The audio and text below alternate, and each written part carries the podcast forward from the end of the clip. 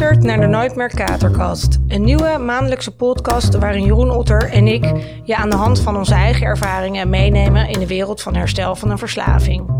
Elke maand kun je aan de hand van herkenbare thema's, gasten en actualiteiten meeluisteren hoe je een nuchter leven kunt leiden, zonder daarbij het plezier en geluk te verliezen. Zo, Jeroen, er zitten we weer. Hoe is het met je? Ja, het, het gaat, vandaag gaat wel. Ik heb zin in die podcast op te nemen. Ik had niet zo'n prettige week. Maar uh, goed, die uh, laten we weer achter ons en uh, gaan met ja. frisse moed door. Ja. ja, dat hoort er een beetje bij, hè? Ja. Soms zijn, zijn er even wat mindere weken en dan gaat het weer wat beter. Dat is ja. een beetje inherent aan het leven. En tegenwoordig hebben we in ieder geval de mogelijkheid om daar wat beter mee om te gaan dan hoe we dat vroeger deden. Ik zeg ook altijd ik heb wel een rotte week, maar ik, heb weer, ik, ben, ik ben er niet op gaan drinken. Dat is ja. toch af en na bijna vijf jaar toch nog wel steeds wat ik zeg. Ja, het is en dat blijft ook een wonder hè, als een ja. alcoholist niet drinkt. Ja, absoluut. absoluut. Hey, we gaan het uh, vandaag hebben over, uh, over de rock bottom. Ja. Hè? ja. Uh, het punt waarop je komt en dan denkt van het gaat niet meer. En als het drinken eigenlijk niet meer zo heel erg leuk is. Ja. En vandaag hebben we ook een gast in ons midden die ons ook meeneemt in haar ervaringen. Dat is Stefanie. Stefanie uh, is uh, inmiddels uh, zes maanden nuchter. Um, en uh, ja, gaat ons ook meenemen in haar ervaringen, hoe het voor haar was en uh, wat er precies gebeurde. Ja. Zij is een cliënt ook van mij. Ik mocht haar uh, begeleiden in het hele mooie traject naar nuchter worden. Ook wel mooi, want het is voor mij altijd ook wel weer goed om mensen verhalen te horen van mensen die weer net begonnen zijn aan waar ik vijf jaar geleden was. Want je bent, als het iets snel gebeurt, is het dat je dreigt te vergeten waar je vandaan komt. En dat is ja, altijd wel absoluut. Heel goed. Ja, ja, zeker. Ja. Dus uh, ja, voor haar ook voor het eerst dat ze haar ervaring gaat delen, ook op deze manier. Dus dat uh, ja, vind ik enorm moedig en dapper dat ze dat uh, op deze manier wil gaan doen. Zeker. En we gaan het hebben over wat er bij jou gebeurde en hoe het voor mij was en ehm, wat is er precies gebeurd. Ja. En ja, wanneer heb je de stap ook gezet om, om hulp te gaan zoeken? Ja. Um, hoe was dat voor jou, Jeroen? Uh, kan je nog een beetje terug ja, naar, die naar, die periode? Ik kan wel terug naar die periode. Alhoewel ik er af en toe achter kom dat ik heel veel van die dingen weer uh, nu terugkrijg. Maar het grote verhaal. Uh, ik, ik had niet echt een. nou ja, goed. Niet zo soort, zozeer een dieptepunt in, naar aanleiding waarvan ik meteen ben gestopt of zo. Of in de, dus in, de, in rock bottom in de letterlijke zin van het woord. Dat heb ik, dat heb ik niet echt gehad. Maar ik had. Op een gegeven moment wel, toen ging ik, kwam ik thuis en toen kon ik niet meer bij mijn adem komen.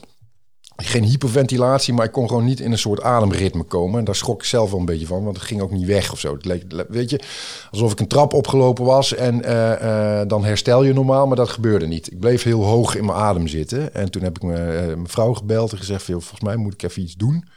Zijn de eerste, even lang verhaal kort in die zin. Toen uh, eerste hulp gegaan en toen kreeg ik uh, wat onderzoekjes. En ik probeerde natuurlijk alles op het roken te gooien, want ik, toen, toen rookte ik nog. En uh, hoe heet het? Uh, toen zei die arts van ja, ik wil ook nog even dit testje. En toen vond ik het al verdacht lang duren, zeg maar. Hè? Toen, toen begon ik natuurlijk wel een mm -hmm. beetje te knijpen. Want ik ging om half vijf de eerste hulp in. En het was inmiddels uh, negen uur. Oh, ja. Dus ik dacht ja, kom op. En toen, uh, toen zei hij van nou, we hebben een aantal testen gedaan. we hoeven geen acute zorgen. zei maar willen u eigenlijk vannacht hier houden? En toen zei ik van nou, hier houden. Dus ik zei, nee, dat, dat ging natuurlijk niet. Want ik had vanaf half vijf al niet meer gedronken, zeg maar. Dus ik ging echt tennis maken en ruzie maken met die arts. Van ik ga hier helemaal niet blijven, waarvoor? En uh, toen zei hij, ja, maar willen u dan een beetje in de gaten houden vannacht? En dan kunnen we morgen ook meteen, bent u meteen aan de beurt voor die laatste twee testen die ik nog met, met u wil doen. Ik zei, nou, ik ga gewoon naar huis. En toen heb ja. ik echt, echt met, met, duwen en zo, weet je wel, met, met een En waarom wilde je zo graag naar huis? Ja, ik, wilde, ik, ik voelde me punt één benauwd en ik wilde gewoon drinken natuurlijk. Ja, ik had gewoon echt een paar uur niet gedronken. Ik begon gewoon echt een beetje te trillen en, en dat soort dingen. Dus uh, nou ja, goed. En toen, uh, toen zei en toen ben ik de volgende dag, ochtend gegaan. Ik zal het even inkorten. En toen zei die arts van, nou luister, je longen, ja, daar moet je ook niet te lang meer mee wachten. Maar dat valt allemaal wel mee. Uh, maar je lever, daar ben ik echt wel van geschrokken. Oh. Dat is echt wel een tennisbal met een laag vet eromheen. En als jij nu niet vandaag stopt met drinken, dan ben je binnen nou ja, een half jaar, negen maanden, ga je gewoon dood. Je gaat gewoon dood. Dat zei hij gewoon tegen mij. Mm. En toen ben ik nog, en toen zei hij van, weet je, als je nu vandaag stopt, ik meet vandaag je leverwaarde en dan kom je over een maand terug, een maand niet drinken, dan zul je zien ook hoe snel dat gaat. En uh, ik zei, ja, ja, prima. Weet je wel. Hoe snel wat gaat dan? Je lever? Je herstel van je lever, uh, ja. ja. Maar goed, ik uh, ben natuurlijk helemaal niet gestopt naar de aanleiding daarvan. Ik ben gewoon door gaan drinken. Maar ik denk dat toen wel een soort van uh, urgentiebesef bij mij is gekomen. Want ik ben natuurlijk uiteindelijk niet naar die controleafspraak gegaan na een maand. En toen belde mijn huisarts, die heb ik al die jaren op een of andere manier altijd wel op de hoogte van alles gehouden. Mhm. En die mhm. belde mij en die zei van joh, ik uh, krijg door dat je niet naar die controleafspraak in het ziekenhuis bent geweest. Gaat het wel goed met je? En toen toen, dat was mijn keerpunt. Toen, oh, ja? Toen kreeg ik het in me en toen, uh, ik weet het precies, ik zat gewoon in de auto met, met uh, handsfree te bellen. En toen dacht ik van nee, ik zei nee, het gaat helemaal niet goed. Het gaat echt heel erg slecht met mij. en waar merkte jij dat zelf aan op dat moment? Omdat weet je ik, nog? Ja, ik merkte dat uh, de een soort van alle, alle muren die ik opgetrokken had, alle hoekjes waar ik me in verstopt, normaal gesproken, die vielen weg. Ik had, mhm. ik had er gewoon geen zin meer in. Ik zei joh, nee, het gaat zo slecht, maar ik weet alleen niet hoe ik er zelf, hoe ik eruit moet komen. Oh, wat heftig. Heel heftig. En toen, uh, want zo voelde het ook. voelde ook heel, heel zwaar. ja. echt van, ach, maar aan de ene kant ook wel al een beetje bevrijdend. En toen zei ze, ja, maar wat gaan we er dan aan doen? Want zij had natuurlijk een tegensputterend iemand verwacht. Van, ja, nee, ik weet niet waar je het over hebt. En ik zei, maar ik ging meteen erin mee. Toen zei ze, nou, kom morgenochtend meteen hier naartoe en dan hebben we het erover. Nou, toen, heb ik, toen vroeg zij mij van wat, moet, wat denk jij dat er moet gebeuren? Ik zei, nou, ik moet gewoon een kliniek in, want ik ben gewoon een klein kind. Ik kan, ik kan niet zelf nu een beetje proberen om te stoppen. Ik weet gewoon, als ik erbij kan, dan ga ik er naartoe. Ja. Dus ik moet echt uit, eruit gerukt worden. Ja. En toen, uh, nou, toen zei ze, ja, fijn dat je dat zegt, want dat, dat denk ik ook. Nou, toen ben ik uh, met haar, heb ik wat research gedaan naar klinieken. En toen, uh, nou ja, tien dagen la nee, een week later was ik op intake in de kliniek. En toen nog een dikke week daarna ben ik, erin, ben ik erin gegaan. Mm. Dus dat was wel echt mijn turning point, zeg maar. Ja, ja. Wat heftig ook, hè? Als ja. je dan teruggaat naar dat gevoel, wat je zegt inderdaad, al die muren, dat je gewoon eigenlijk deep down helemaal weet van het gaat niet meer goed. En ook niet weten waar de oplossing is. wist het gewoon maar wel, stel als die huisarts jou niet had gebeld. Nou, dat, ik, ik, ik vertel dat wel eens vaker als ik wel eens hierover. Ik, op een of andere rare manier heb ik er ook niet zo heel vaak over. Maar voor mij, kijk, ik kom op een gegeven moment. Uh, was het voor mij heel reëel eh, om, om die keuze te maken. Want het is of je gaat nu uh, uh, iets doen. Hè? Mhm. En ik wist dat iets doen houdt gewoon in dat je nooit meer kan drinken. Want dat, dat wist ik voor mezelf. Of je gaat dood. Ja, maar ik zeg er wel bij, zonder dramatisch te willen doen, dat was voor mij ook wel echt een reële keuze. Ik had zoiets van, ja, weet je, uh, dan is dat maar gewoon mijn leven. Ik, uh, ik zou niet weten hoe ik dat moet doen zonder drank. En ik ga, dan ga ik maar gewoon uh, dood uiteindelijk. Dan is dit blijkbaar hoe mijn leven bestemd is. Mm En iets in me heeft dan toch gedacht van, nee, dat verdien je nou net, net niet. Dus kom op, trek jezelf omhoog en uh, ga dat doen. En dat uh, klinkt nu heel heldhaftig, zo voelde ik me toen helemaal niet. Maar ik wist wel dat, dat het een van die twee dingen was. Mm -hmm. Ja, dus de huisarts heeft daar ook wel echt een cruciale rol in gespeeld voor jou ja. op dat moment. Want zelf wist je het ook niet. Je wist wel dat het slecht ging, maar je wist niet waar nee. de oplossing mogelijkerwijs nee. lag. Nee, nee. Heftig. Ja, en dan toch gek hè, dat je, dat, daar denk ik nog wel eens aan terug. Want ik heb niet met haar echt hele uitgebreide gesprekken erover gehad. Maar ik heb haar altijd wel, al wel een jaar of tien, op de hoogte gehouden van het feit dat ik, met, dat ik moeilijkheden met drank had. Weet je mhm, wel? En dan mm bagatelliseerde ik dat natuurlijk wel en zo. Ja. Maar zij wist, op, een of andere manier heb ik dat altijd wel gehad. Van ik, ik, ik, ik, ik, vertel het wel tegen haar van oké, het gaat weer even wat minder. Of nou ja, goed. Mhm. Dus dat was wel. Uh, nou, anders had ze misschien ook wel niet gebeld, hè? Dat nee. had gekund. Ja, ja, ja.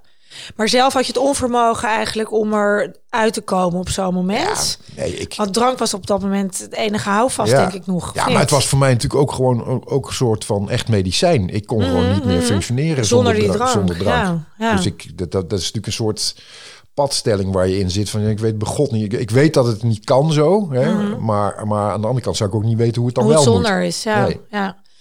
Dat is natuurlijk wel iets wat we vaak ook zien bij cliënten van ons. Dat ze inderdaad gewoon eigenlijk niet weten hoe het is zonder die drank. Want die drank is de enige manier zeg maar, om nog alle ballen hoog te houden. Om nog te functioneren. Om nog zeg maar, het leven aan te kunnen. Ja, dat proef waarschijnlijk. Dat klopt.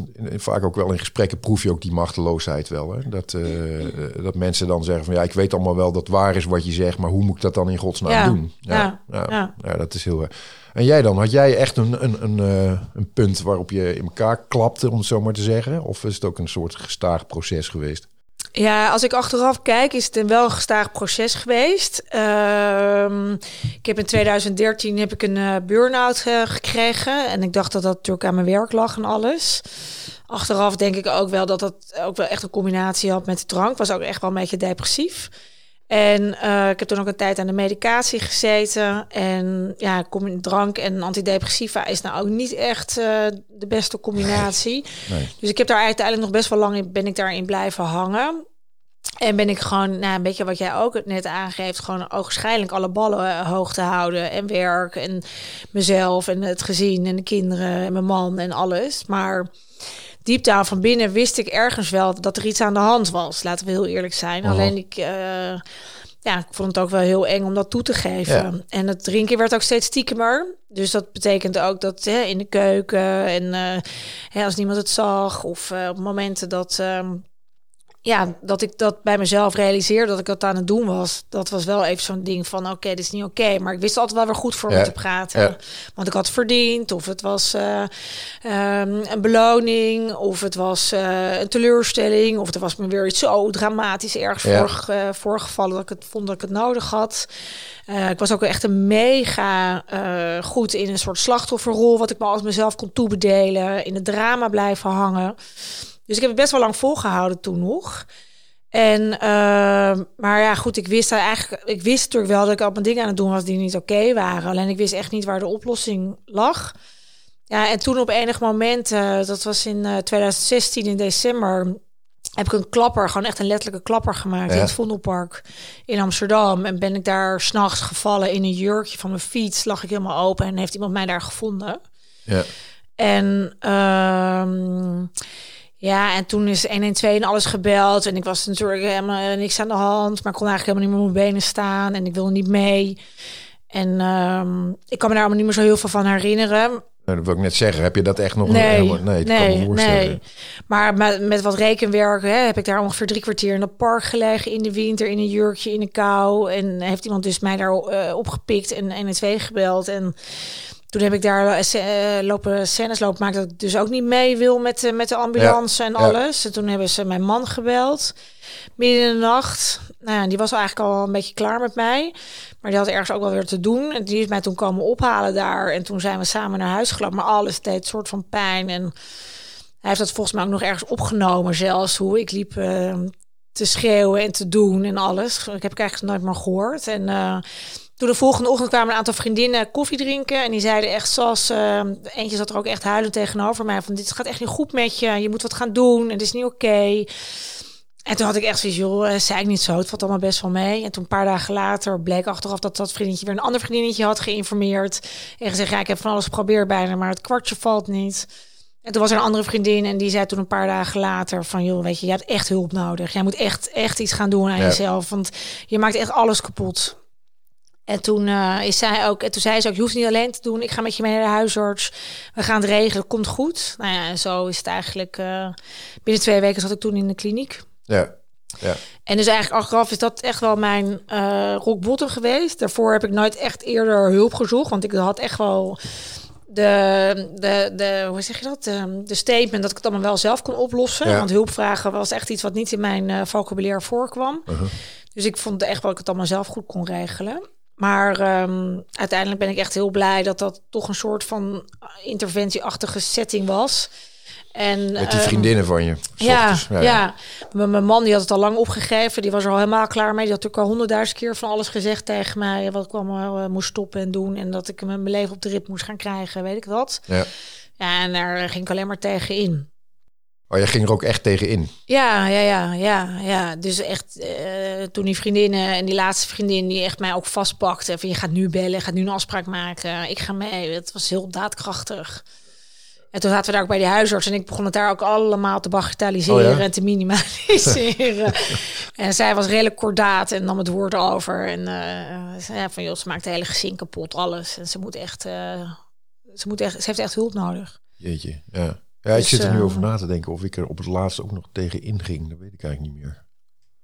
Nou, niet, toen ik natuurlijk die kliniek belde, niet meer. Maar ik, daarvoor ben ik, ik heb, ja, ik heb ook wel tot het laat. Nou ja, goed, in zo'n ziekenhuis mm. ik ook echt van, ja, je ton op. Ja. Ik weet wel dat ik te veel drink, ja. maar het komt wel goed. En ik had ook zoiets van, oké, okay, prima, weet je, dan ga ik hulp zoeken en dan gaan we dat doen.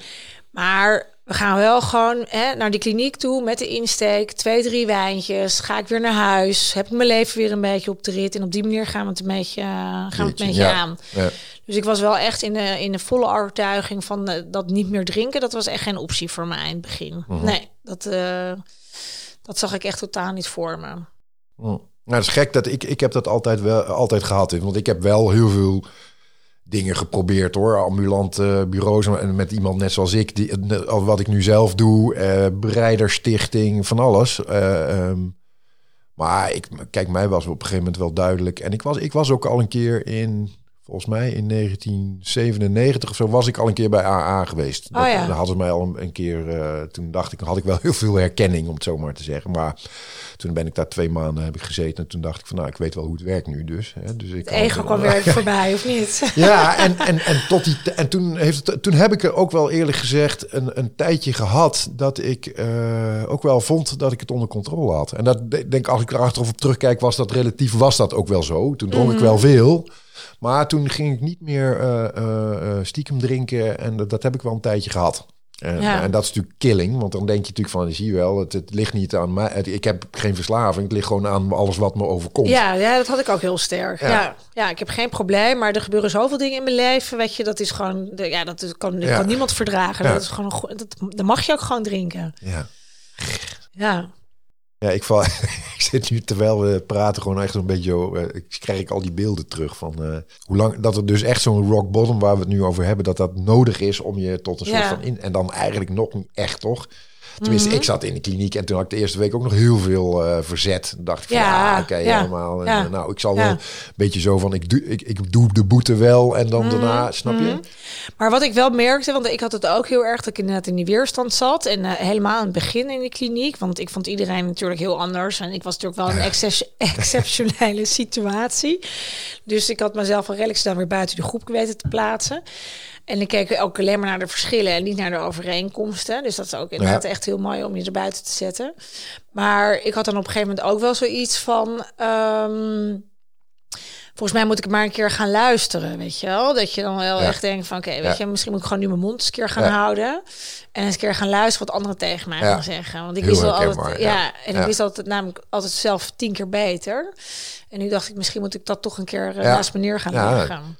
Nou, dat zie ik wel eigenlijk een beetje. Nou ja, dat is natuurlijk geen rock bottom in de zin van ik heb iets ergs waardoor het omsloeg. Maar dat is wel mijn opslagpunt geweest. Na een week in de kliniek, toen had ik ook counselor die op een gegeven moment. Uh, had ik dan één op één gesprekken en toen zei ze op een gegeven moment: Wat, wat ben jij hier eigenlijk aan het doen? Ik zei: Nou ja, hoezo? Ik, uh, ik, ik ben hier voor, ik zit hier voor mijn verslaving. Ze hou dan eens op met een stomme lul van je de hele tijd.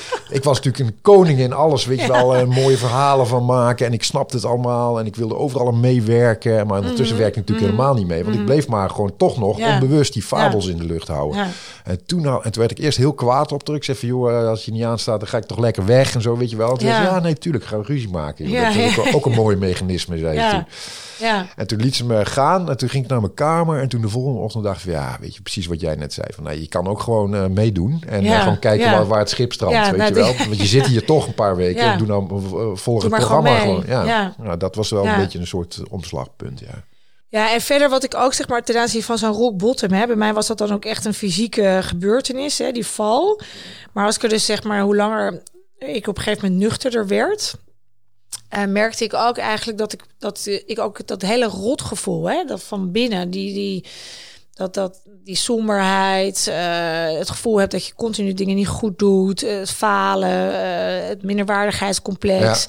Dat gevoel, dat werd op een gegeven moment dus ook voor mij zo, kwam dat naar boven. En dat is eigenlijk ook voor mij een soort van rock bottom punt geweest. Dat als ik dan nu denk van, eh, of nu niet, maar eh, dan nog wel eens dacht van, goh, misschien moet ik maar weer eens gaan drinken. Is dat wel een goed idee?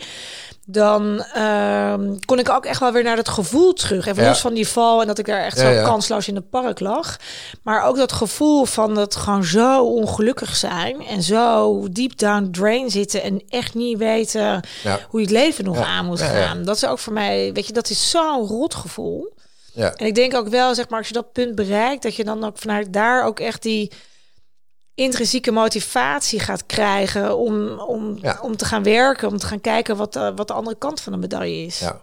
Ja, ik denk ook hoor. Uiteindelijk die, die zeg maar de, de, de, ja, wat ik dan altijd een beetje de cowboy verhalen noem. Hè, dat, dat, daar, dat, dat is misschien wel vaak een directe aanleiding. Maar uiteindelijk ga je het, uh, redden, om het zo maar te zeggen, door, door je te realiseren hoe ongelukkig en alleen uh, je was. Dat ja. is absoluut waar. Ja. ja. dat is een hele en het alleen, dat vind ik ook wel een ding, hè? Want ik was altijd heel druk met, uh, met iedereen en alles. Maar ondertussen voelde ik me gewoon echt super eenzaam. Ja, dat is ook zoiets gekkigs. Ja.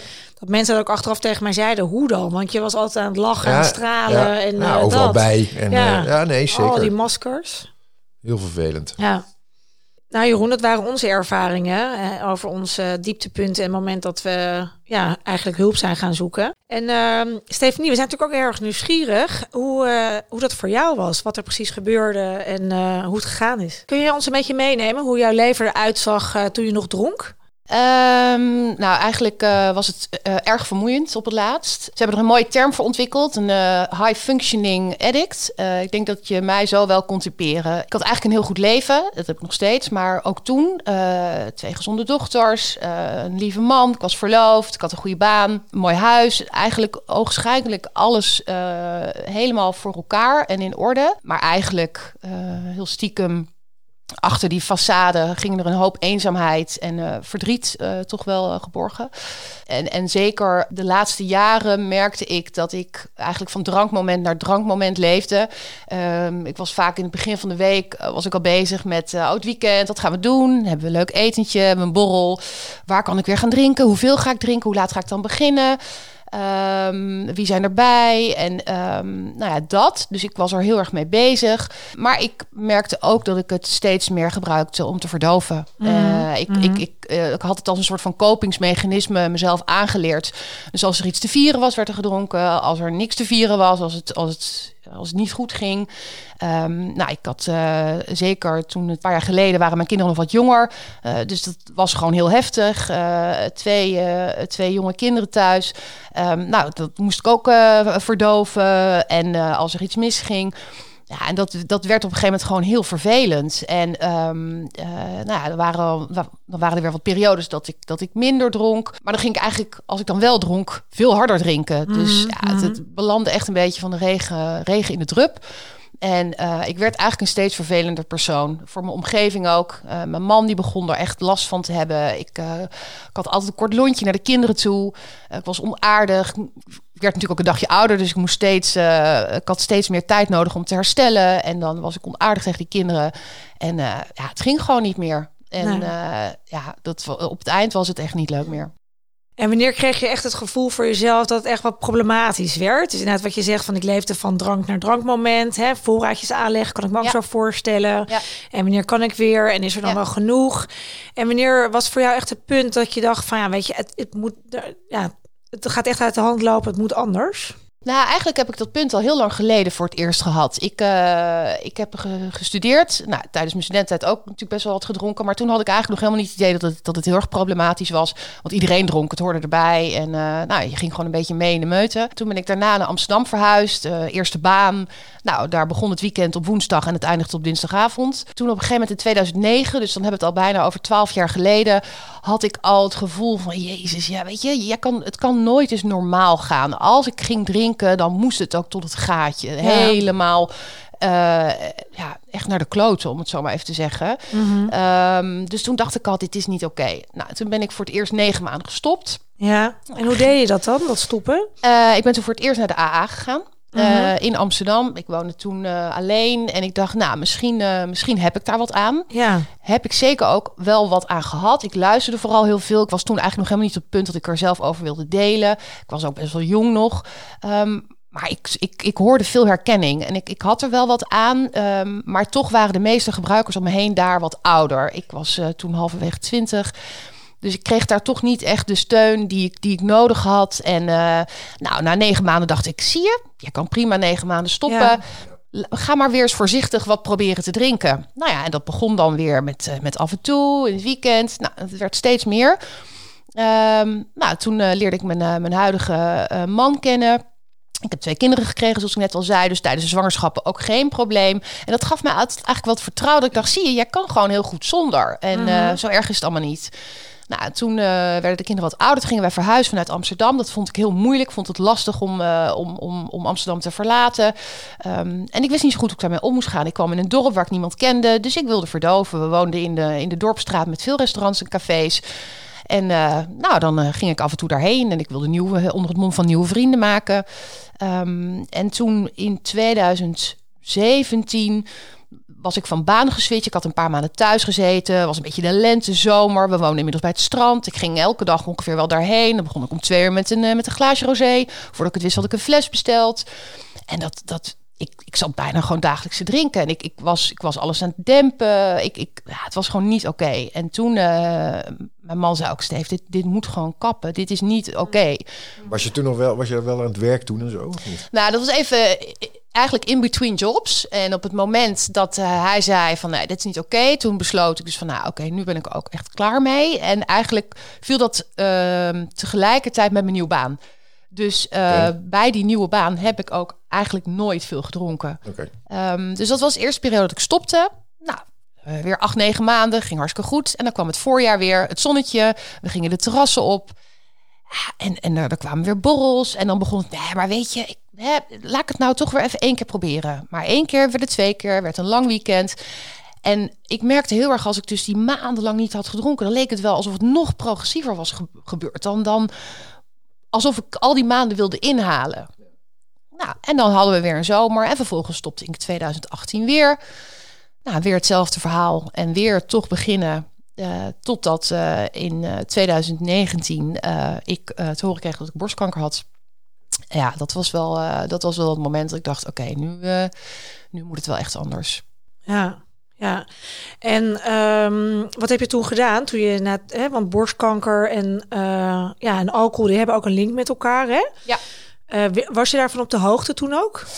Nou, ik eigenlijk niet. Ik had er wel eens van gehoord, maar ik wist niet dat het verband zo duidelijk aanwezig was. En ik heb me daar toen in verdiept. Ja. En um, um, ja, toen ik de verhalen las en zag dat er echt toch wel uh, aantoonbaar bewijs is uh, dat vrouwen die gewoon veel meer alcohol gebruiken, uh, ook vaker borstkanker krijgen, toen dacht ik wel, ja, dit is.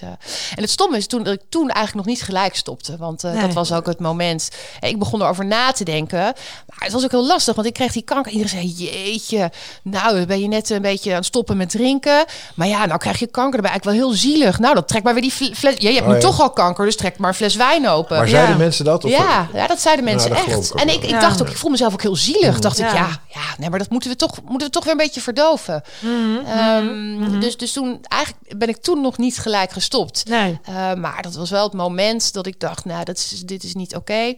Okay. Um, maar toen ben je dus eigenlijk wel gaan, hè? Want toen kreeg je die diagnose van borstkanker. En mensen om je heen van, goh, je bent inderdaad heel zielig en nu mag je ook drinken. En vervolgens deed je dat dan ook. Ja. Uh, wanneer is dan voor jou op een gegeven moment een keerpunt geweest dat je, dat je echt van die, diep van binnen ook echt voelde van, weet je, het, het, gaat gewoon niet meer? Nee. Nou, ik had dus uh, ik had een hele chemoperiode waarin ik uiteraard niet dronk. En uh, toen hadden we op een gegeven moment het eind van mijn chemoperiode. Dat viel samen met een kantoorborrel. Um, uh, waar ik daarna toch, toch wel wat mee gaan drinken. De ontlading, maar ook het moment dat de, de laatste chemo eraan kwam. Nou, dat, dat was al, die avond liep niet helemaal goed. Dat was eigenlijk voor het eerst dat mijn, dat mijn dochters zagen dat, dat ik oud ging. Um, en ja, daar ben ik toen wel heel erg van geschrokken. Maar nog steeds, ja, dacht ik wel, nou ik kan het wel, ik kan het wel. Um, totdat we afgelopen zomer, dus dat was de zomer van 2020, gingen we op vakantie. Um, ik, uh, ik had inmiddels uh, al maanden niet gedronken. Heel af en toe, misschien in het voorjaar weer een keertje. Maar ik dacht, nou, dit gaat eigenlijk best wel goed.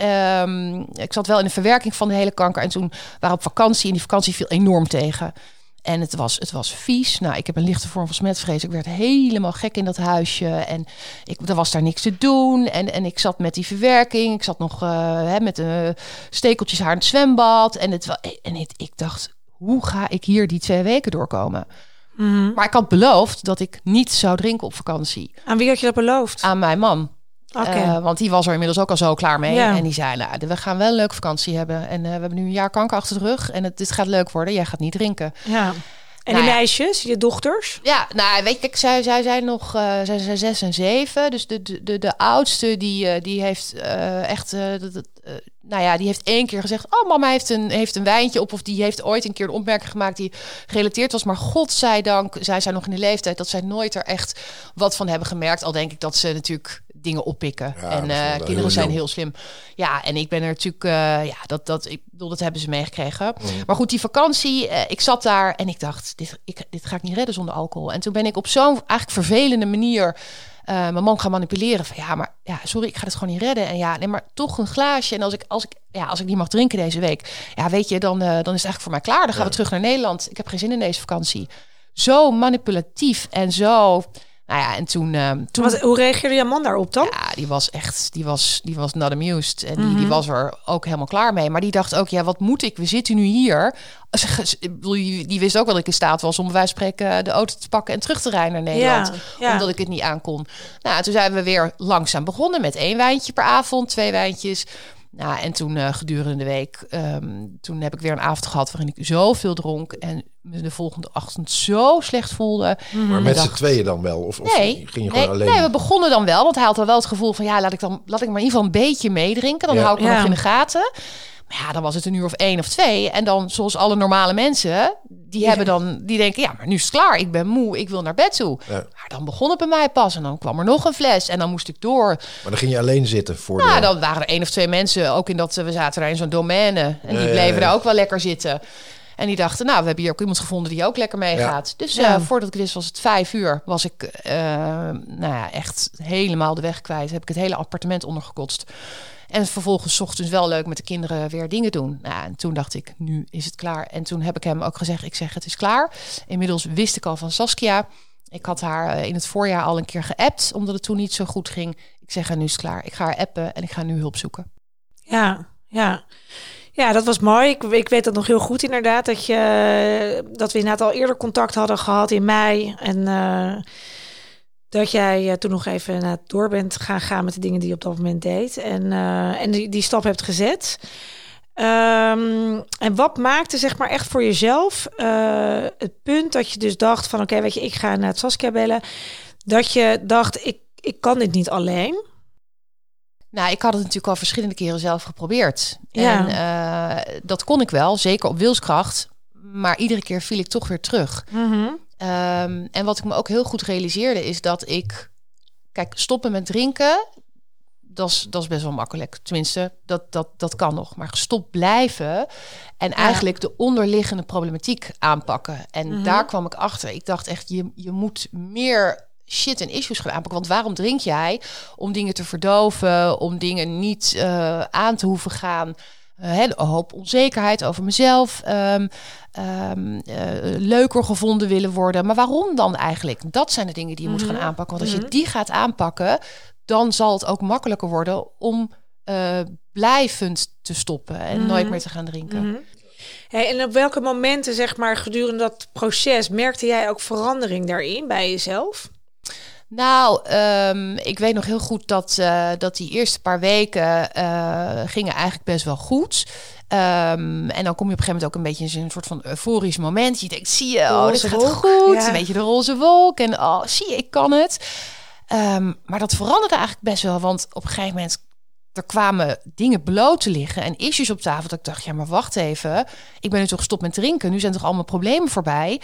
Maar ja, wij gingen echt dingen aanpakken. En jij ging, jij ging door op bepaalde punten. En, en, en, hè, in één keer dacht ik: oh, maar wacht even. Dit is dus waarom ik drink. Uh, en dat waren wel momenten dat ik dacht: wow. Nou, en toen met behulp van, uh, van hè, bepaalde vragen van jou, dingen waar ik zelf mee aan de slag moest gaan, dacht ik ook van ja, weet je, je kan het nu wel weer op de oude manier gaan doen, maar ga het maar eens op de nieuwe manier proberen. En daardoor ging ik mhm. dingen anders aanpakken. En merkte ik ook gewoon thuis dat, uh, dat, dat uh, mijn man zei van ja, je doet het nu gewoon anders. Je, je, je pakt de dingen anders op. Je reageert anders op dingen. Eigenlijk precies de momenten waarop je vroeger die fles wijn had gepakt. Of het dorp in was gegaan om wat te gaan drinken. Um, ja, of je, je, je, spreekt je nu uit. Of je gaat bij wijze van spreken hardlopen of wat dan ook. Maar je pakt het anders aan. Ja, mhm. maar dat is, dat is wel mooi dat je dat zegt. Want dat, dat is ook wel wat ik merk bij, mij, bij mezelf, maar ook bij, bij mijn cliënten. Dat je, je merkt ook wel het verschil na één of twee gesprekken. Weet je wel, sommige mensen, dan, dan weet ik al van, oh god, dit gaat een, een enorm moeilijk traject worden. En dat zal inderdaad vooral in het begin op wilskracht gericht zijn. En bij sommige mensen merk je meteen van, ik zeg niet dat het dan een, een, een succesformule wordt, maar dan merk je wel hoe mensen de dingen aangaan dat ze doorhebben van het zit niet in dat drinken. Weet je, dat drinken, dat moet ik, daar moet ik mee stoppen. En dat is nodig om te kunnen doen wat ik eigenlijk moet doen. En dat is de, de onderliggende problematiek aanpakken. Ja. Nou, het gevoel was deze keer ook heel anders. Want omdat ik natuurlijk al die paar keer was gestopt, ik had altijd stiekem bij mezelf toch weer een achterdeurtje ingebouwd. Van, oh maar wacht even, als ik straks een paar maanden uh, ben gestopt, dan heb ik laten zien dat ik het kan. Ja, dan komt die zomer weer en dan komen die borrels wel weer. En dan, dan hè, ga ik stiekem... Ik was eigenlijk toen al wel bezig met wanneer kan ik dan toch weer gaan drinken. Want ja, ik ga toch niet mijn hele leven mhm. stoppen. Ik bedoel, dat, dat ga ik niet volhouden. Maar nu, uh, nadat ik het traject uh, bij Happy Sober heb gedaan, dacht ik wel echt van ja, het gevoel was gelijk anders. Ik, ik, kijk, ze zeggen altijd: je moet nooit zeggen, ik ga nooit meer drinken, ik ga vandaag niet drinken en morgen zien we wel weer verder. Maar toch is het gevoel nu zo anders, want ik wil niet meer terug naar hoe het toen was. Uh, als je dat eenmaal hebt meegemaakt, die rock bottom, die wil je niet nog een keer meemaken. En, en het gevoel, de motivatie was zo groot. En ook omdat ik dus die gedragsverandering had aangepakt. Ja, daar zit ook echt, daar zit het ook het grote verschil natuurlijk ook wel in. Het voelt echt anders. Ja. Maar misschien is dat het wel. Dat je, wat jij nu net zegt, dat die rock bottom waar we het nu over hebben, hè, dat is, uh, nou ja, goed, bij ons in allebei die gevallen wel zeker een redelijk aanwijsbaar verhaal geweest. Maar uiteindelijk, de rock bottom zit hem volgens mij vaak in de ontdekking van, hey, het gaat, hè, ik ben die drank aan het gebruiken voor iets, wat er is iets echt goed met me mis. En dat is je dieptepunt in mhm. eenzaamheid, in rotgevoel, dat je je realiseert van, hé, hey, er is hier van alles aan de hand. En daar moet ik mee aan de gang. En dat kan ik alleen maar als ik het nuchter doe. Ja, precies. Nou ja, ook het moment dat je, dat je erover gaat liegen. Uh, hè, je gaat, uh, gaat smoesjes verzinnen. Um, en je, je, je verbloemt het. En heel diep van binnen weet je zelf dan wel dat je denkt: ja, ik weet, dit is niet oké. Nee. Ik, ik doe dit om een reden. Hey, en wat je, ik hoor je net iets zeggen over achterdeurtjes. Hè? Ik bedoel, ik ben daar zelf ook echt een koning in geweest om allerlei achterdeurtjes open te houden. En er heel erg uh, keen op te zijn om ervoor te zorgen dat je die op een bepaalde manier ook gaat dicht doen. Als je heel eerlijk kijkt, hè, want je bent nu een half jaar nuchter. Ja, echt ongelooflijk. Ik net nog even in de app. Over vier dagen, 200 dagen. Ja, ja. Ja, ja, echt super. Maar als je kijkt naar die achterdeurtjes en je bent heel eerlijk naar jezelf, wat, wat staat er nog van open, denk je? Um, ik denk in het begin. Um, nou, in het begin had ik mezelf voorgenomen, nee, geen achterdeurtjes meer. Nou, dan komt toch wel een beetje dat, dat, uh, die wat donkere maanden, dat je met jezelf aan de slag gaat. Dat je denkt, ja, ja misschien als er toch straks weer wat komt en uh, als ik dit dan toch uh, goed volbracht heb. Um, maar eigenlijk ben ik nu op een punt beland dat er geen achterdeuren zijn. Want ik weet uh, wat de gevolgen zijn als ik weer een achterdeur ga opzoeken. Um, um, en, en, ja, dat wil ik gewoon niet. Uh, maar dat is wel continu scherp op jezelf blijven, erover na blijven denken. Ook gewoon eerlijk naar jezelf. Hè? Uh, toevallig een paar maanden geleden, of nou, ja, een paar maanden geleden, toen was ik met een paar vriendinnen bezig om een weekend weg te boeken.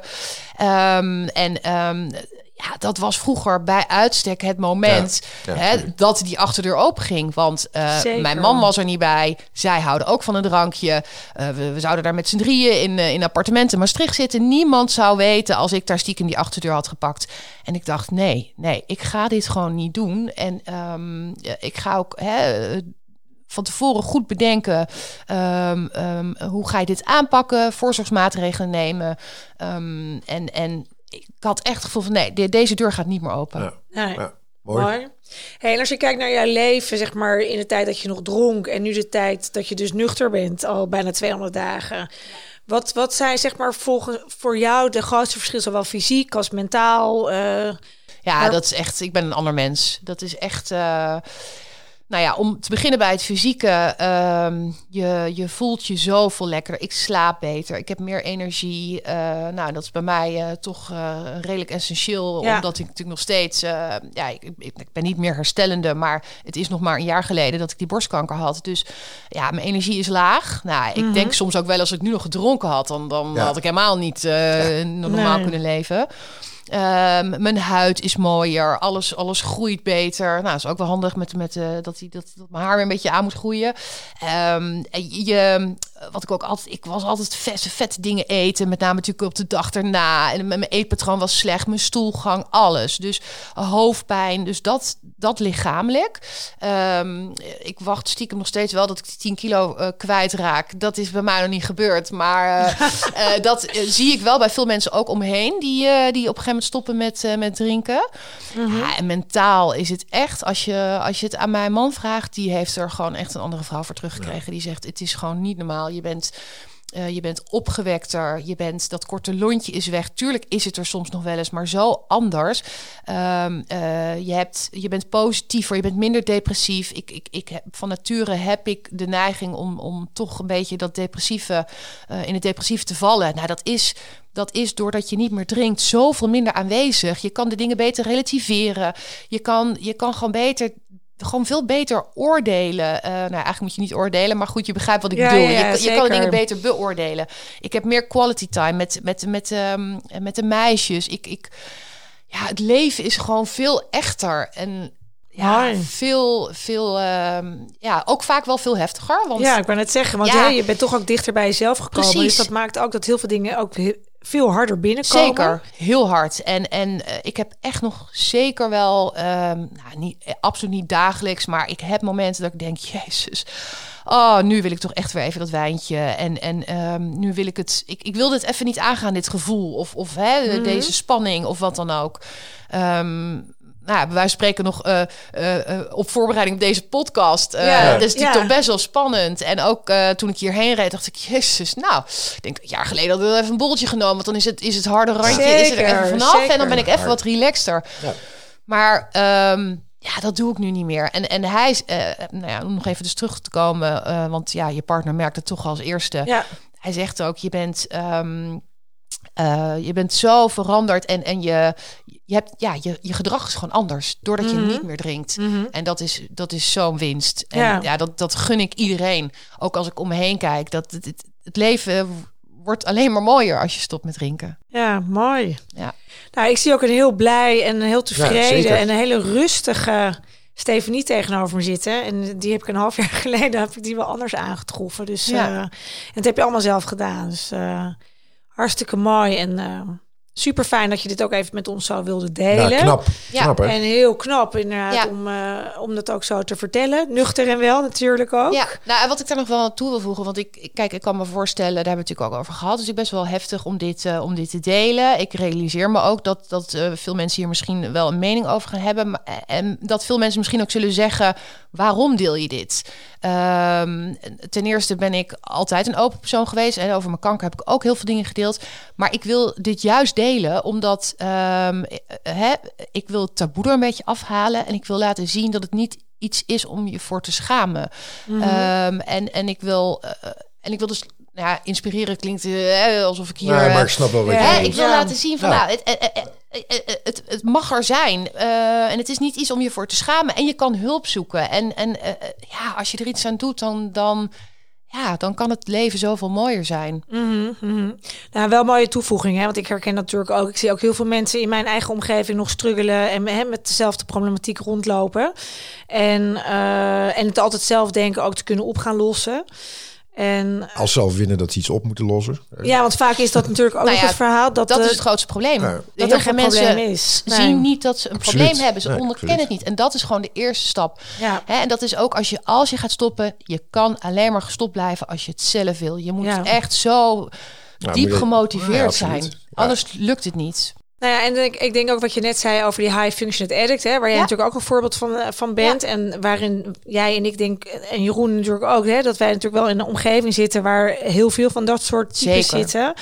En dat maakt het ook, denk ik ook, hè, dat is ook de reden waarom wij ook hiermee zijn begonnen om ons verhaal te delen. Ja. Om inderdaad ook te laten zien dat je niet hoeft te schamen. En um, dat je er ook van kan herstellen op het moment als je de confrontatie echt met jezelf aan durft te gaan. Ja. En daarin ook het eerlijke pad bewandelt. Ja, herstellen, maar ook wat belangrijk is, is omdat je dus gewoon high functioning kan blijven. Op een, ja. Maar alleen op een veel uh, gezondere, ja, gezondere manier. Hè, wat, ik, wat ik aan het begin ook zei, ik, ik functioneerde eigenlijk prima. Ik, hè, alles ging goed. Zeker. Ik ben nooit op enig, enig vlak, ik heb nooit onder een brug gelegen. Ik heb nooit schulden gehad. Ik heb nooit, ik denk dat heel veel mensen denken, waar, hè? Maar Um, dus dat is ook het verraderlijke. Ja, absoluut. Je kan absoluut. nog steeds goed functioneren, maar diep daaronder ja. zit eigenlijk gewoon een laag die verdriet, uh, ja, verdriet eenzaamheid, pijn. Ja, en ik denk dat dat de rock bottom ook is op een gegeven moment dat je voelt. Hè, van ik, ik schets dat bij mezelf altijd met, met die bekende Chinese artiest van die bordjes ja. aan het draaien is. Mm. Maar ik voel, je ziet op een gegeven moment zie je die, die zo gaat dat, weet je. En op een gegeven moment dacht ik wel, als ik nu niet uh, iets doe, dan flikkert alles uh, kapot en dan en gaat dan nog maar eens aan, weet je. Want dan, dus dat dat is dan. Ja, ja daar moet je echt met stapje voor zijn. Ja, ja. ja absoluut. Stephanie, dankjewel voor het uh, delen van je eerlijk en oprechte verhaal. Uh, super mooi. Ehm, wij eindigen eigenlijk altijd onze podcast met, uh, met wat tips voor de luisteraar. Ehm, in dit, ehm, in, met dit thema denk ik dat het goed is om vanuit jou eens te horen van... Goh, weet je, wat, wat voor soort advies zou je onze luisteraars willen meegeven? Ja, nou, dat, dat heb ik wel. Um, ik denk, uh, kijk, op het moment, wat ik op een gegeven moment ook had, dat je, dat je erover na gaat denken. Um, nou, laat ik zo zeggen, ik denk, ik, eerst zit je heel lang misschien in een, in een soort twijfel van, nou, ben, maar ben ik nou wel alcoholist? Kijk, het stigma wat er omheen hangt van hè, alcoholist ligt onder de brug, je staat op, je moet gelijk beginnen met drinken. Uh, dat, dat is niet zo. Ik denk dat alcoholisme um, uh, zich in vele vormen uh, manifesteert. Um, hè, zoals ik bij mij zei, dat er gewoon geen rem op zat. Op het moment dat ik ging drinken, dat ik dan helemaal al los ging. Maar op het moment dat je erover twijfelt, dat je toch eens gaat onderzoeken bij jezelf. Dat je denkt van ja, hè, er zijn verschillende testjes online. Dat je misschien met je omgeving erover gaat praten als je niet al een keer een opmerking hebt gehad.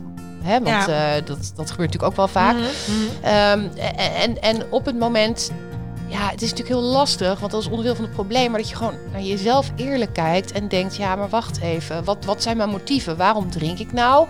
En kan ik het bij dat ene glas houden? En als je dan tot de conclusie komt: van ja, ik vind het eigenlijk toch wel lastig nogmaals, het is niet iets om voor je te schamen. Ga hulp zoeken, praat er met mensen over.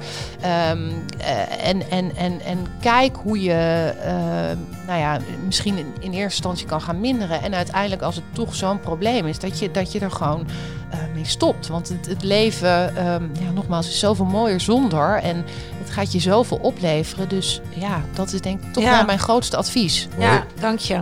En ik denk ook inderdaad wat je zegt, hè, op het moment als je er al een beetje mee bezig bent zelf, ja. hè, dus dat je gaat tellen of dat je een online test gaat doen of dat je toch denkt van, hmm, drink toch, dan, dan, dan ja. zou er eigenlijk al een soort van alarmbel kunnen afgaan ja. dat het wat problematisch misschien aan het worden is of op dat moment is. Ja, nou ja, natuurlijk ook als je kijkt, oh sorry Jeroen, uh, als je kijkt naar jullie vorige podcast, vorige maand, uh, Dry January, op het moment dat je al denkt van, ja, ik moet dit toch wel echt gaan doen, hè, en, en, en dan daarna denkt, ja, maar dit is toch best wel lastig, stiekem weet je het zelf ook wel. Als ja. je het echt moeite kost, hè, ja. dat is gewoon heel simpel. Ja. Ga gewoon een week niet drinken. Precies. Uh, en ook niet van, ja, maar dit, dit, is nu, want er is een verjaardag, dat telt dan niet mee. Maar gewoon echt niet drinken en kijken hoeveel moeite je dat kost.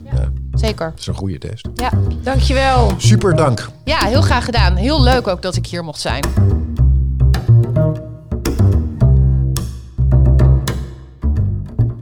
Dankjewel voor het luisteren. Saskia, jij ook bedankt voor je mooie inzichten. Heb je nog vragen naar aanleiding van dit onderwerp of heb je zelf een leuke suggestie, dan kun je ons mailen. Je kunt deze aflevering terugluisteren op recoverycaddy.nl en happysober.nl. Deze podcast is mede mogelijk gemaakt door Roser Realizations in de ruimte van Zogger Studio in Haarlem.